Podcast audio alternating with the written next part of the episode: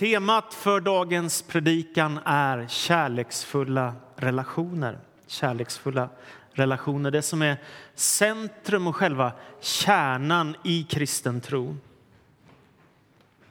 Om du tänker efter precis just nu, känner du dig älskad då? Visst är det en rätt bra fråga att ställa sig? Man kan verkligen fundera på det, fast man har hört det ordet förhoppningsvis ett antal gånger i sitt liv så är det lätt att tänka nej men det är väl ingen som tycker om mig eller älskar mig. Visst är det märkligt? Om du vänder på frågan, finns det någon som du älskar? Då är det lite lättare, eller hur? Det finns rätt många människor som passerar för ens ansikte som man tycker så fruktansvärt mycket om. Och när man har varit med på någon sträcka i livet, också när man förlorar någon människa som man älskar, så vet man hur viktiga människor är och hur betydelsefulla de är och att det är så fruktansvärt jobbigt att förlora någon som man älskar. Livet är ingen enkel resa och det är därför det är viktigt att vara centrerad på kärleken som Bibeln handlar så mycket om. Man kan vara rik och ändå känna sig oälskad. Man kan aldrig tjäna tillräckligt mycket med pengar för att fylla det tomrummet som bristen på kärlek är. Man kan vara otroligt framgångsrik i sitt arbete och vara älskad och populär chef eller medarbetare och ändå är det katastrofalt hemma i familjen. Så kan det vara. Man kan ha hur många relationer som helst och vara mest liksom fullbokad på sociala medier och ha hur många kontakter som helst och ändå känna sig ensam och oälskad. Brist på genuin kärlek. Ibland tänker jag också för oss moderna människor som lever i västvärlden som har hyggligt med pengar, som kan gå och handla mer eller mindre hela tiden, att vi försöker köpa oss lycka. Kan det vara så? Alltså att vi måste till köpcentret en gång till, handla en gång till, renovera huset en gång till, åka på en semester till och så vidare. Att vi alltid ska köpa oss lycka. Kan det vara så? Människor som inte känner sig älskade blir ju också väldigt lätt upptagna med sin självbild, sig själv, sitt självförtroende, sin självkänsla. Vad tänker andra om mig? Och frågan är vad som krävs för att jag ska bli tillfredsställd i livet. Det surrar så mycket kring mig själv. Det är lätt att det blir så. Och jag tänker att i grund och botten har detta med den kärlek som Gud har lagt ner i oss. Det är där det börjar, att det finns en hunger i våra hjärtan efter att vara älskade. Vi är inte födda till den här världen för att vandra omkring här själva ett antal år och sen ta livet slut, utan vi är gemenskapsvarelser. Och därför det här svenska projektet med individualism, det är ett av de sämsta uppfinningarna som har kommits på.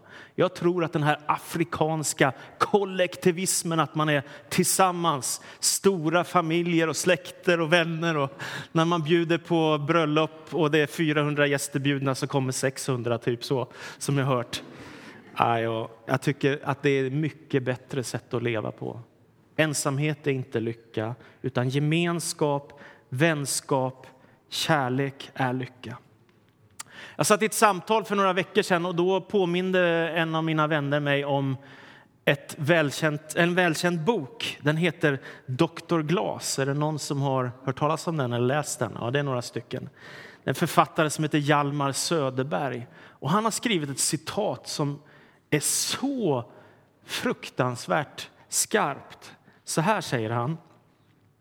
Man vill bli älskad, i brist därpå beundrad, i brist därpå fruktad, i brist därpå avskydd och föraktad. Man vill inge människorna någon slags känsla för själen ryser för tomrummet och vill ha kontakt till vad pris som helst. Visst är det en märklig och viktig sats, ett viktigt citat. Man vill bli älskad i brist på beundrad, i brist på fruktad, i brist på avskydd. Visst är det märkligt? Men jag tänker att det ligger någonting i det, det vill säga att vi vill göra något slags avtryck med vårt liv. Att vi inte bara passerar genom åren och ingen bryr sig utan att folk faktiskt ser och hör och märker att vi vill någonting, att vi betyder någonting och att vi förhoppningsvis kan göra någonting gott med vårt liv. Men kan det kanske förklara varför det brinner en del bilar i Malmö? Varför det pågår en hel del våldsbrott i vår värld? Att människor har brist på kärlek. Och i brist på kärlek så funkar hat. För då kan man också skapa en gemenskap kring det, eller hur? Det är bara att det är en fruktansvärd tragedi, ett slöseri med ett människoliv och till sist när man ser tillbaka på sitt liv så måste man konstatera att hatet ledde mig till total meningslöshet, tomhet i livet. Jag tror att människor spårar ur i brist på kärlek. Och så tänker jag så här, och det låter ju så förtvivlat religiöst, men jag kan inte låta bli att säga det. Att jag tror att Jesus är kärlekens djupaste källa. Att jag tänker att det man längtar innerst inne efter, allra djupast sett, här allra längst inne, så är det Jesus och Guds kärlek. Och om du är en sökare så tycker du kanske att det låter jättekonstigt. Vad i hela världen säger han? Jo, men jag tror att det endast är Gud som kan fylla alla ditt hjärtas behov. Åtminstone har jag varit gift i snart 25 år och jag tänker att vi fyller en del av varandras behov. Och jag har en fantastisk hustru. Men man kan inte fylla alla behov som man har i livet som människor. Utan jag tänker att det är Gud som fyller vårt hjärtas djupaste hunger. Jag vill läsa två bibeltexter. Den ena hämtar jag från Markus evangeliet som utmanar kärlekens eh, ja, som är kärlekens utmaning i vår tid. Det första Markus 1 och 35. Markus 1 och 35 till och med 38. Och sen 1 Johannes 4 och 7. Men vi börjar i Markus 1. Tidigt nästa morgon men när det ännu var mörkt gav han sig av därifrån Jesus och gick bort till en enslig plats. Och där bad han. Simon och de andra skyndade efter honom och när de hade funnit honom sa de alla söker efter dig. Han svarade låt oss gå åt ett annat håll, till byarna här omkring så att jag kan predika där också. Det är därför jag har gått ut. Och så första Johannes brev kapitel 4 från vers 7. Första Johannes 4 och 7. Mina kära, låt oss älska varandra, ty kärleken kommer från Gud och den som älskar är född av Gud och känner Gud. Men den som inte älskar känner inte Gud eftersom Gud är kärlek så uppenbarades Guds kärlek hos oss. Han sände sin enda son till världen för att vi skulle få liv genom honom. Detta är kärleken, inte att vi har älskat Gud utan att han har älskat oss och sänt sin son som försoningsoffer för våra synder. Mina kära, om Gud har älskat oss så måste också vi älska varandra. Ingen har någonsin sett Gud, men om vi älskar varandra är Gud alltid i oss och hans kärlek har nått sin fullhet i oss. Den första berättelsen handlar om Jesus. Och Berättelsen om Jesus den storyn som vi läste nu, den kommer efter att Jesus har kallat de tolv lärjungarna. Han har bjudit in dem att följa honom, lämna allt, bryta upp och börja ett nytt liv i gemenskap med honom själv. Sen har han gått till Kafarnaum synagoga och i synagogan har han predikat glädjebudskapet och människor börjar ana att han är den efterlängtade och utlovade Messias som Gamla testamentets profetier talar om. Och sen så botar han sjuka människor och befriar människor. Och det blir en enorm uppståndelse kring Jesus. Och det är då, när de har sovit tillsammans, lärjungarna och Jesus, som tidigt på morgonen så söker sig Jesus iväg till en enskild plats där han söker Gud och han är ensam inför Fadern i himmelen. Och då blir det uppståndelse, för lärjungarna vet ju inte var Jesus är någonstans. Och dessutom så börjar trycket komma rejält. Alla söker efter Jesus. Folk är på fötter överallt efter honom och Simon Petrus blir stirrig och stressad. Och den känslomänniska som han är så springer han runt och till sist hittar han Jesus och när han hittar Jesus så säger Petrus till honom, ja så är du här, ungefär så. Men Jesus, alla söker efter dig. Och då svarar Jesus några av de märkligaste orden man kan tänka sig. Låt oss gå åt ett annat håll. Visst är det märkligt? Låt oss gå åt ett annat håll. Jag tänker två saker här. Det ena är att detta är en slags tänker jag, förebild för oss. Det vill säga att man som människa, om man ska få den kraft man behöver i sitt vardagsliv så måste man regelbundet dra sig undan och söka Gud för att hämta kraft ifrån Gud få kraft in i sitt vardagsliv. Man behöver stänga av. Man behöver inte ensamhet på, den, på det sättet att man känner sig övergiven utan mer avskildhet så att du kan vara tillsammans med Gud och få stilla ner dig lite grann. Det är det ena. Det andra är att när det händer bra saker så kan det vara precis som när det står om Jesus här. Alla söker efter dig. Vad ska man göra då? Ja, ibland måste man gå åt ett annat håll. Vi är så frestade alltid att försöka möta alla behov som finns. Problemet är bara att ingen människa klarar det. Ingen klarar att fylla alla behov. Och jag tänker att hade Petrus fått som han ville, dra tillbaka Jesus till värsta uppståndelsen så skulle de ha hållit på med någon slags konferens hela tiden med den här gruppen av människor som hade blivit så berörda. Det skulle aldrig någonsin ta slut på behov. Så tänker jag. Jesus tänker att Guds kärlek är större än bara för några få. Guds kärlek är till för alla människor och därför så går han åt ett annat håll. Och jag tänker att det, det är också viktigt för oss att ibland stanna upp, tänka på alla behov, alla människor som möter oss alla utmaningar på arbetet eller i skolan, alla människor, vänner, släktingar, människor som är sjuka, människor som går igenom prövningar, människor som är deprimerade, människor som har det svårt. Och hur ska man orka då Jo, ibland måste man gå åt ett annat håll och få vara i stillhet och hämta kraft hos Gud. Det tror jag är viktigt om man ska bevaras i kärleken och inte bränna ut sig. Då behöver man söka stillheten och ibland gå åt ett annat håll. Och jag tänker att Guds kärlek som vi läste om i första Johannes brev, den är helt avgörande för varje människa. Om jag ställer några frågor så kan du väl fundera på svaret. Vad behöver du göra för att vinna Guds kärlek? Har du funderat på det? Eller hur mycket tror du att Gud älskar dig? Eller vad känner du att du behöver göra för att bli älskad av Gud? Det var väl enkla frågor, små och smidiga för vardagen. Jag vill svara bara på den tredje frågan.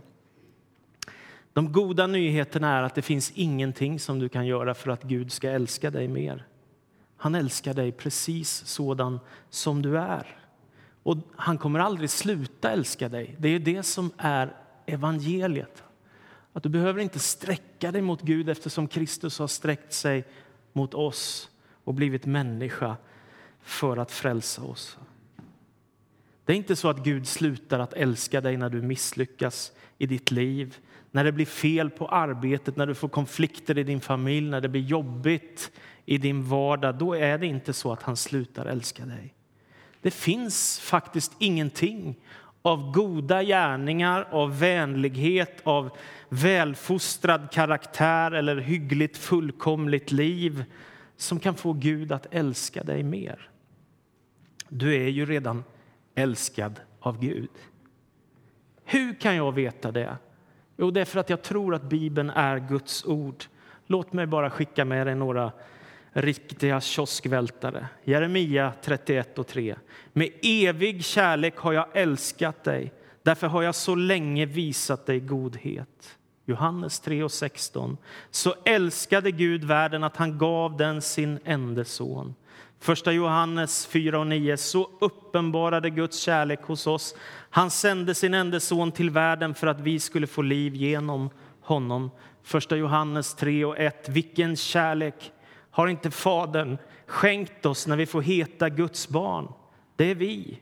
Romarbrevet 5 och 8. Men Gud bevisar sin kärlek till oss genom att Kristus dog för oss medan vi ännu var syndare.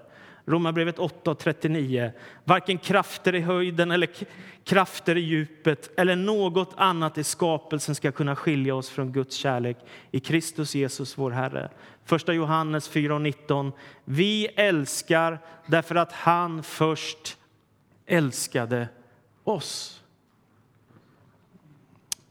Då kan man känna sig lite glad, eller hur? Det är inte så att man måste liksom sträcka sig mot Gud, även om det står där. Älska Herren av hela ditt hjärta, hela din själ, hela din kraft. Så är det inte där det börjar, utan det börjar hos Gud. Han som har älskat dig i tid och evighet. För en tid sen så hörde jag en pastor berätta om sitt liv. Han arbetade i en väldigt fin baptistförsamling, en stor församling som växte och fungerade väldigt, väldigt bra. Men han kände att det är någonting som saknas i mitt liv. Det är något som inte är som det ska. Han hade ett ganska fint hem, han hade det ganska gott ställt. Han hade en fin familj, eller har, med flera barn. Ändå känner han att något är inte bra, någonting är det som är fel. Så han ber om ett samtal med en själavårdare, någon som kan möta honom mitt i livet som han är, framgångsrik och duktig. Och så möts de, de sitter tillsammans i samtal och han berättar i timmar om sitt liv för en själavårdare. Vad han har varit med om och vad han saknar. Och när han är färdig så säger själavården, själavårdaren att det, det du har sagt det är som jag lagt märke till att du aldrig fick uppleva kärlek ifrån din pappa. Och sen att han dog så tidigt i ditt liv gör att du har en sån stor saknad efter honom, en sån stor förlust. Och det har gjort att du har svårt att tro att Gud älskar dig. Jag tror att det är det som är ditt problem. Och så ber han för honom. Tårarna börjar rinna ner för hans kinder och han inser att Gud älskar mig på riktigt.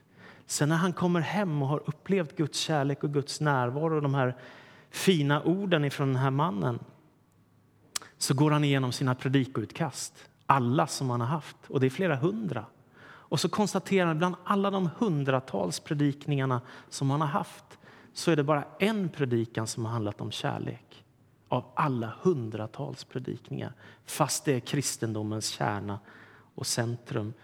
Efter den dagen får han en helt ny ton i sitt sätt att predika, en helt ny ton i sitt sätt att vara och agera. För han förstår, det landar på riktigt, att han är älskad av Gud trots att hans pappa inte har gett honom den kärlek som han hade behövt i sitt liv.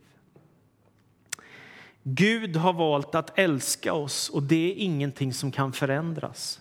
Guds kärlek finns alltid där och Gud är kärlek. Så jag tänker så här att det kan ju inte vara så att Gud för dig en bit i livet och sen tröttnar han på dig när du är för misslyckad och så får du klara dig själv. Det är väl inget evangelium? Eller om du gör ett stort misstag eller om du syndar mot Gud eller gör din familj illa eller vad det nu är för någonting. Det kan ju inte vara så att Gud tröttnar och ger upp. I så fall är ju livet ganska meningslöst. Jag tänker att Gud är större än våra besvikelser. Gud är större än våra misslyckanden. Han är större än våra bekymmer. Svåra tider kommer alltid att finnas, men det kommer också alltid Jesus Kristus. Och det är därför som man kan fortsätta dag efter dag framåt som människa. Människors kärlek ska man heller inte underskatta. Det kan betyda så mycket. Jag kommer ihåg när jag var ungdomspastor för många år sedan, höll jag på att säga, men det är väl så. Åren går fort. I alla fall så kom en, eh, en kvinna förbi och så sa hon så här att det är märkligt som vilken kraft man kan få av andra människor. Och jag som var så from och fin tänkte hon borde ha sagt Gud. Men hon sa människor. Det är märkligt vilken, människor, vilken kraft man kan få av andra människor. Och nu tänker jag lite senare i livet att hon har rätt. Man kan få så fruktansvärt mycket kraft ifrån andra människor som kommer med goda ord, med uppmuntran, med förbön, med omsorg, med kärleksgärningar, med att bjuda hem en, med att bry sig på olika sätt och hjälpa en i livet. Och det är, jag vet att människors kärlek, vår kärlek, den är bristfällig. Den är inte alls fullkomlig som Guds kärlek. Den är bara bristfällig. Ändå kan den få finnas där och vara stark. I Saltaren står det om Gud och hans kärlek, kapitel 40, vers 2. Länge väntade jag på Herren och han böjde sig ner till mig och hörde mitt rop. Han drog mig upp ur fördärvets grupp grop ur slam och dy. Han ställde mig på fast mark, mina steg gjorde han trygga. Han la en ny sång i min mun, en lovsång till vår Gud.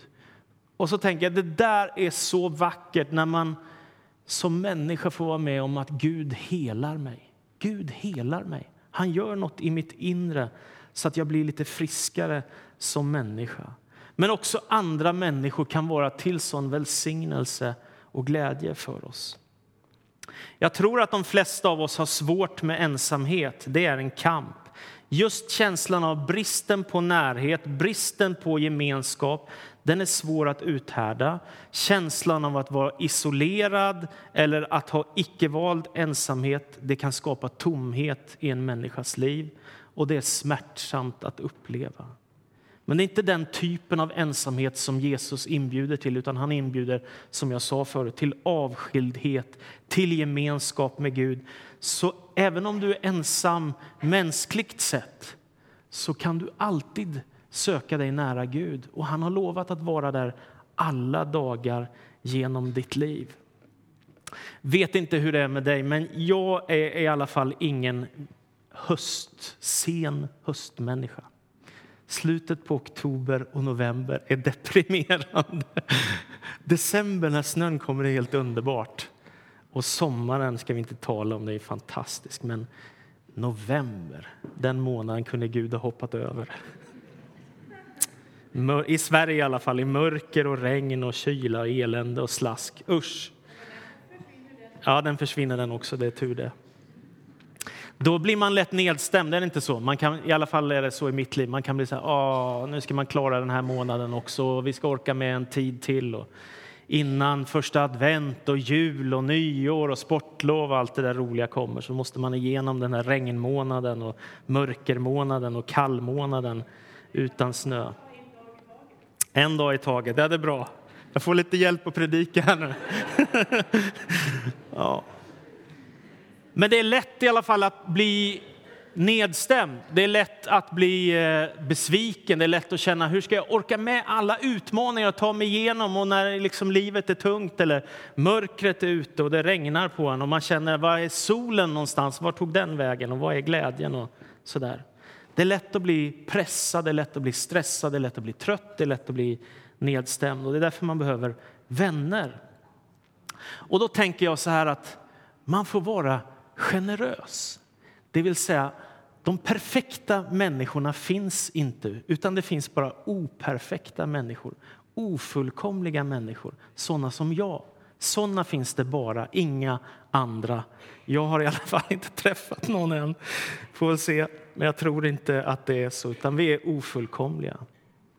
Men ändå så tänker jag att vi kan betyda så mycket om, mot var, för och mot varandra om vi är kärleksfulla, om vi uppmuntrar varann, om vi hjälper varann. Och då har jag märkt att en del människor har så svårt att ta emot det där. Har du märkt det? Vilken fin klänning du har. Den har jag köpt på rea. Har ni hört den? Liksom, eller, vad fin du ser ut. Ja, men du skulle sett hur jag såg ut igår. Eller, eh, om någon kommer och har köpt en present till dig så bara, va? Vad vill han nu? Ja, liksom, bara konstigt, det har jag aldrig gjort förut. Det är så lätt att liksom gå in i de här negativa spiralerna, börja tänka negativt och se omöjligheter och svårigheter. Att, som de säger i Närke, det går aldrig. Det går aldrig. Ja, men det ska gå, eller hur? Ja. Ta vara på all uppmuntran som du får. Ta vara på all förbön som du får. Gläd dig åt alla människor som vill krama om dig eller som säger snälla ord eller som har något gott att ge dig. Ta vara på det. Livet är alldeles för kort för att slösa bort de tillfällena. När jag tänker tillbaka på min barndom så tänker jag att jag är så fruktansvärt tacksam för två barndomskompisar som jag hade. Vi var så tajta och det gjorde ju att att jag inte blev så där ensam och inte fick kämpa så mycket med mitt liv utan jag hade några som följde mig väldigt nära och som var väldigt goa och som var väldigt roliga och härliga människor. Jag växte upp i Stockholm och det var en ganska tuff miljö. När jag gick i lågstadiet och mellanstadiet så hade man två val, mobba eller mobbas. Slå eller bli slagen. Det låter ju väldigt destruktivt, men det är sant. Det var så faktiskt. Det kanske är lite lugnare nu, jag vet inte, jag hoppas det. Men det var rätt så tuff miljö som jag växte upp i. Och jag kommer ihåg att jag fick stryk några gånger och då hade jag flytet att jag blev kompis med en tolvåring. Jag var nio år då, eller tio år. Jag blev kompis med en tolvåring. Och han var skolans starkaste kille. Så bra! Vet du. Ingen vågade ge sig på mig efter att vi blev kompisar. Det var helt suveränt. Sen märkte jag när jag kom hem till honom att hans föräldrar var alkoholister. Och helt plötsligt så när jag bjöd hem honom och såg hur mycket mina föräldrar kunde visa kärlek till honom så insåg jag att det är inte bara han som kan hjälpa mig, jag kan hjälpa honom också. För han har ett fruktansvärt hem, men han, han kan få uppleva kärlek från oss. Och det fick han. Han följde mig genom livet några år och gjorde att jag blev eh, skyddad. Det var fint.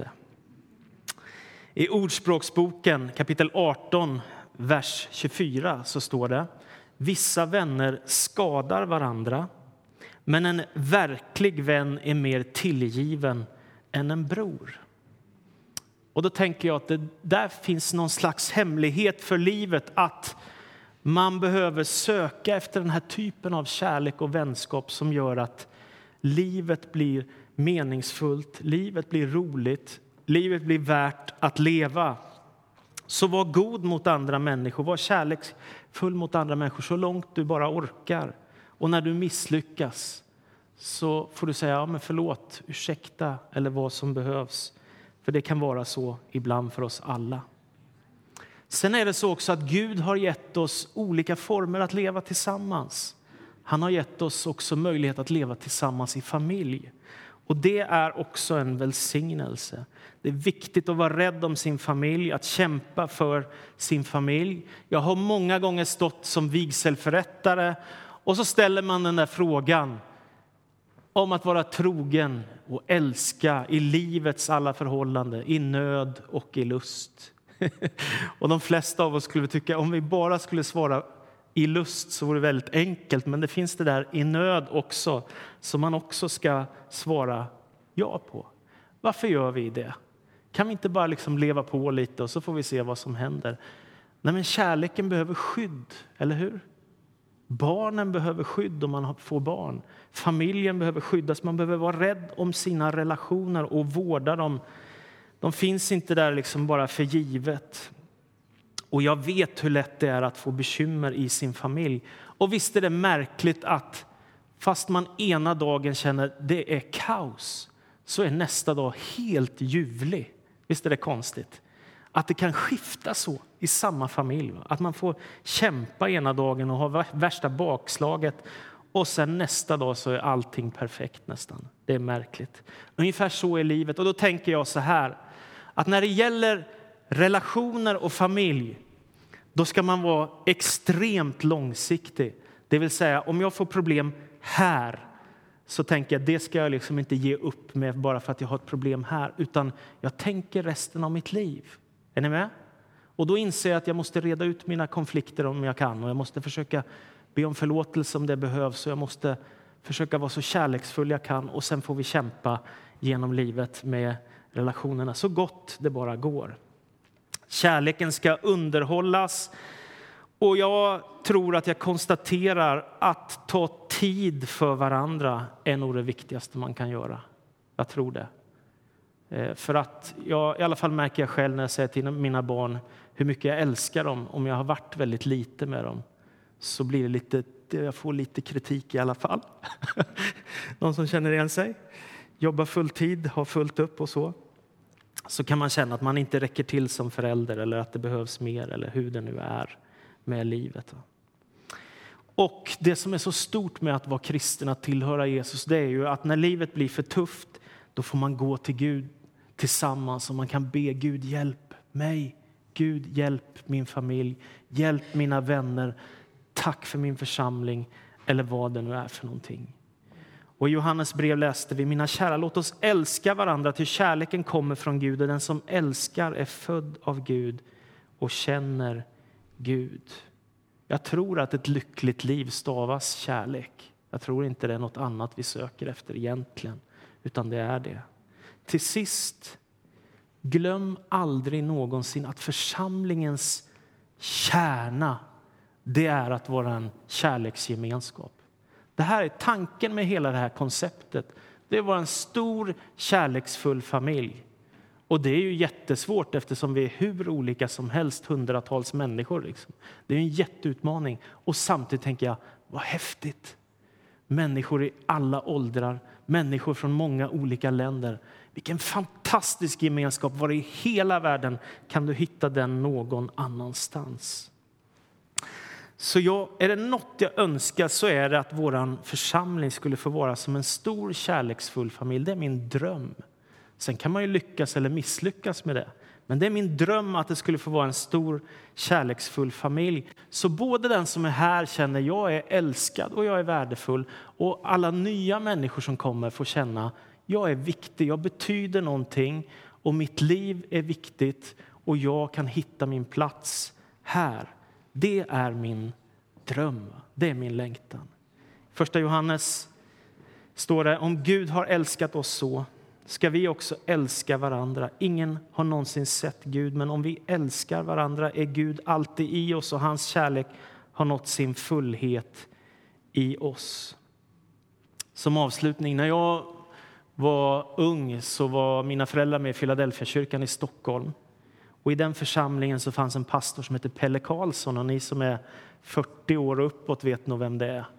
Han skrev sånger som blev jättekända och som spreds över hela vårt land. Och hans, hans eh, skivor, LP-skivor var det på den tiden, sålde flera hundratusen exemplar. Han spelades på vanlig, helt vanlig radio. Och så. En av de finaste sånger som han har skrivit är så här. Så stor är Jesu kärlek.